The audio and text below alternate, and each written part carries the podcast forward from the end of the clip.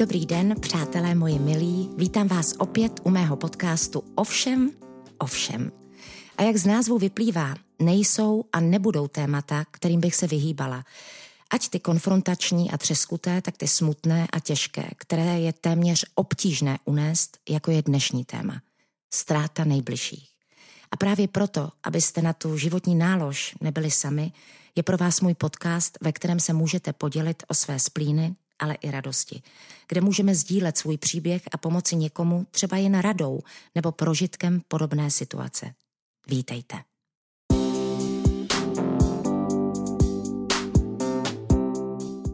Smrt většina z nás, ať vědomně či nevědomně, ze svého života vytěsňuje, přesto se nás všech bytostně dotýká. A když se s ní poté, dřív nebo později setkáme, jsme zaskočeni a nepřipraveni. A přitom, jak se tak často s nadsázkou říká, smrt je naše jediná jistota. Jak nejlépe, nejmilostivěji či nejsmířlivěji překonat ztrátu a odchod těch nejbližších, na to vám nikdo zaručený recept nedá. Někomu pomáhá truchlit o samotě, někdo se na čas utápí ve vzpomínkách a jiný potřebuje svou bolest vykřičet do světa. Svůj podcast pravidelně otevírám svou osobní zkušeností a prožitkem. A toto je můj postřeh, který z odchodu blízkého člověka mám já. Jako první z tohoto světa odešel můj tatínek a velmi výrazně si vybavuju vzpomínku, kdy maminka samozřejmě tou ztrátou ohromně trpěla a její přítel, psychiatr, jí na ten den rozloučení dal léky na uklidnění. A moje maminka celý život trpěla tím, že ten den nemohla prožít. Ona si vůbec nic nepamatovala. Osobně jsem přesvědčená, že musíme smutku čelit, že je důležité, aby jsme tím prošli, že je důležité, aby jsme dokázali truchlit a uměli se rozloučit. Je to totiž přesně tak, jak pronesl Haruki Murakami. Smrt není opakem života. Smrt je jeho součást.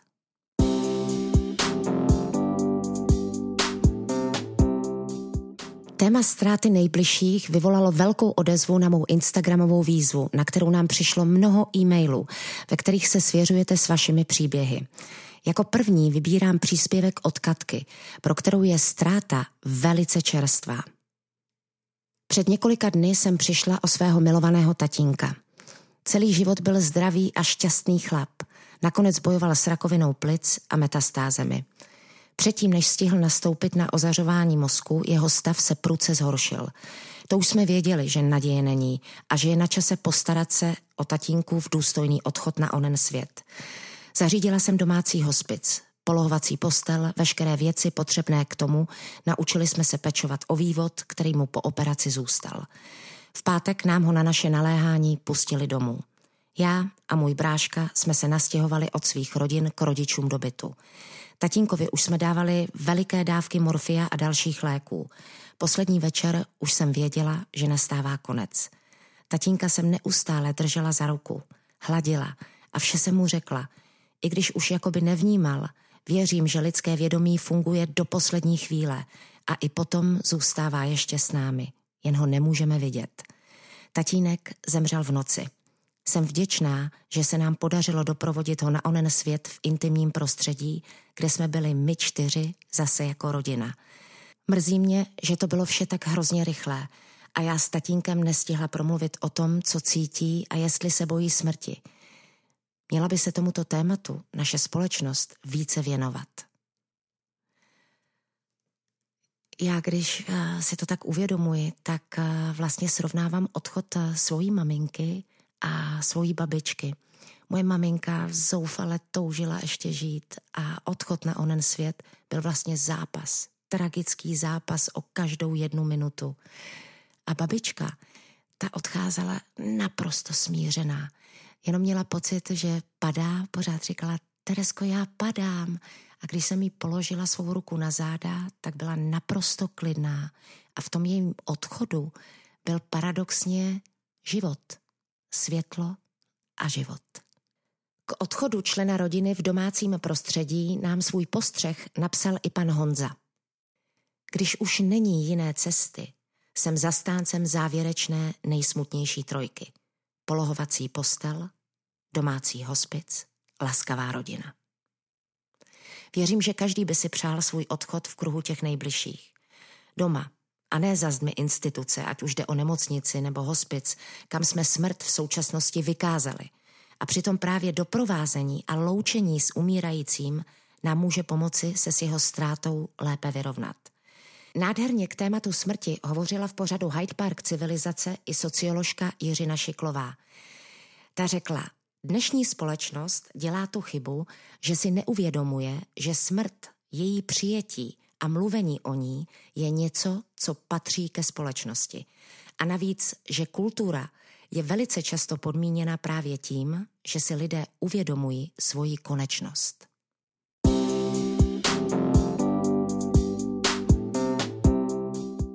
Důvod, proč jsem se rozhodla tématu smrti věnovat, je protože nám do nadačního fondu chodí velké množství žádostí od lidí, které právě ztráta těch nejbližších zasáhla a oni se cítí zranitelní a bezmocní.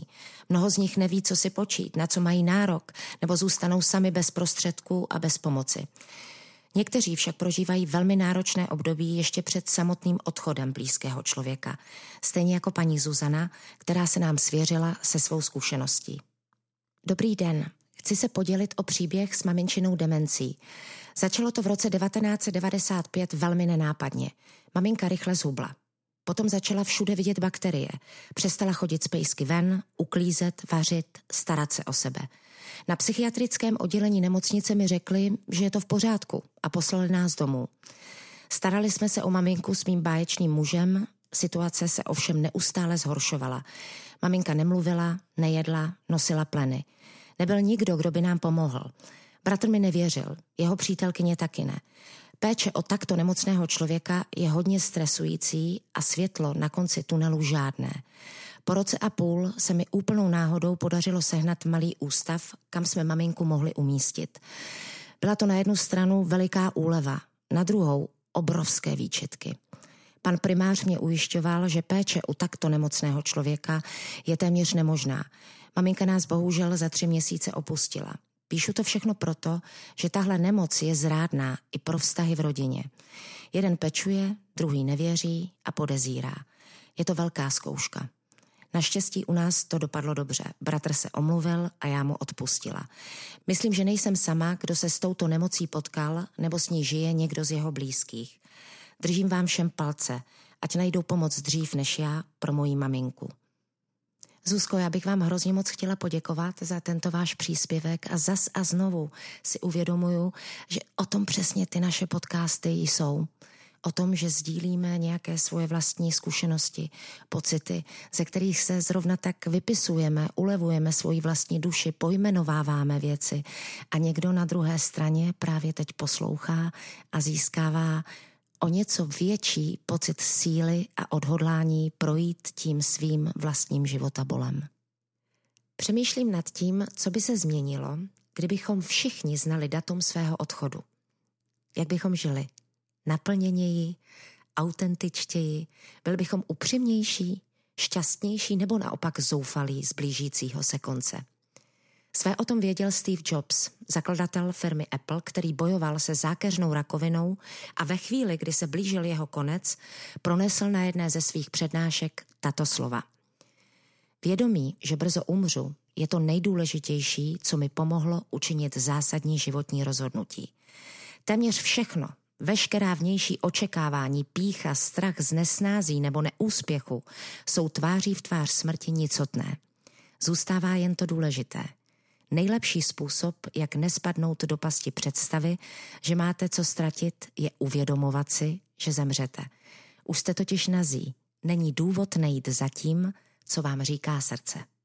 Stejně ke svému blížícímu se konci přistoupil i zpěvák Freddie Mercury skupiny Queen, který zpíval až do poslední chvíle.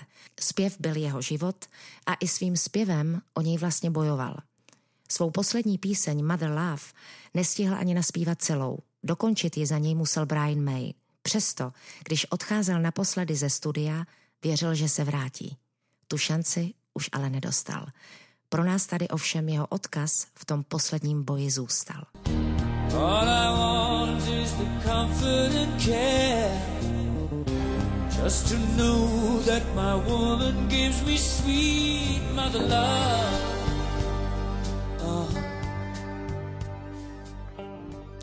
Další velmi osobní vzpomínku na smrt tatínka nám popsal ve svém e-mailu pan David. David píše – když jsme bydleli v Chebu, tak jsme se jednoho sluného dne rozhodli projít s mým otcem kolem řeky Ohře až na přehradní nádrž Skalka, před kterou je trochu průčí kopec.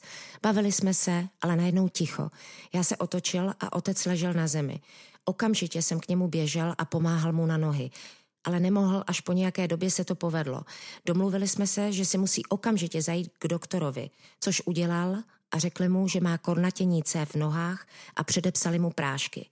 Jenže letos v lednu mi volala moje sousedka, že otec opět upadl při venčení pejska a leží na silnici. Naštěstí se jí také podařilo otce zvednout a odvést domů. Když jsme však šli spát, v půl třetí se mému tátovi udělalo špatně a poprosil mě o sklenici vody, ze které se napil a poté usnul. Neuběhla ani hodina a slyším, že otci se udělalo zase ještě hůř. A to, co jsem viděl, z toho jsem byl v šoku. Oči měl v sloup, okamžitě jsem mu zaklonil hlavu a pomáhal se mu se nadechnout. Jenže bylo to horší a horší a nezbylo mi, než zavolat záchranou službu. Ta mi řekla, že musím okamžitě resuscitovat, což jsem dělal a nepřestával jsem s masáží srdce do doby, než přijela záchranka, která tuto masáž ode mě převzala. A pak přišla hrozná rána pro moje milované. Paní doktorka za mnou přišla a řekla upřímnou soustrast.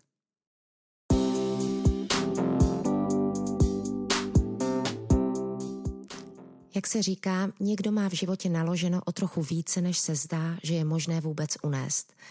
Což by se také dalo říct o paní Tereze, která nám zaslala následující řádky. Když mi bylo 18 let, můj bratr tragicky zemřel. Najednou tu nebyl, ze dne na den. Tenkrát jsem si myslela, že mě nic horšího v životě už nepotká.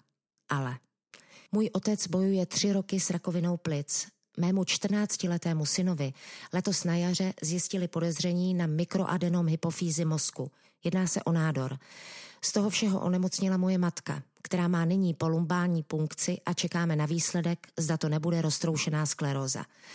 Je to pro mě neskutečně těžké období. Učím se přijímat život takový, jaký je. Jinak bych se zbláznila. Mám tři děti, na vše jsem v podstatě sama, nemohu si dovolit ani se zhroutit. Co nemohu změnit, Nebojuji s tím, přijímám. Pokorou k životu jsem se naučila vyvážit i střed s tou nejtvrdší realitou. A to je vlastně to, co já si ohromně přeji, aby tento podcast v nás lidech vyvolal. Aby jsme pochopili skutečný význam slova pokora. Že to není jenom slušnost, ale že je to přijetí věcí tak, jak reálně jsou. Takové, jaké jsou.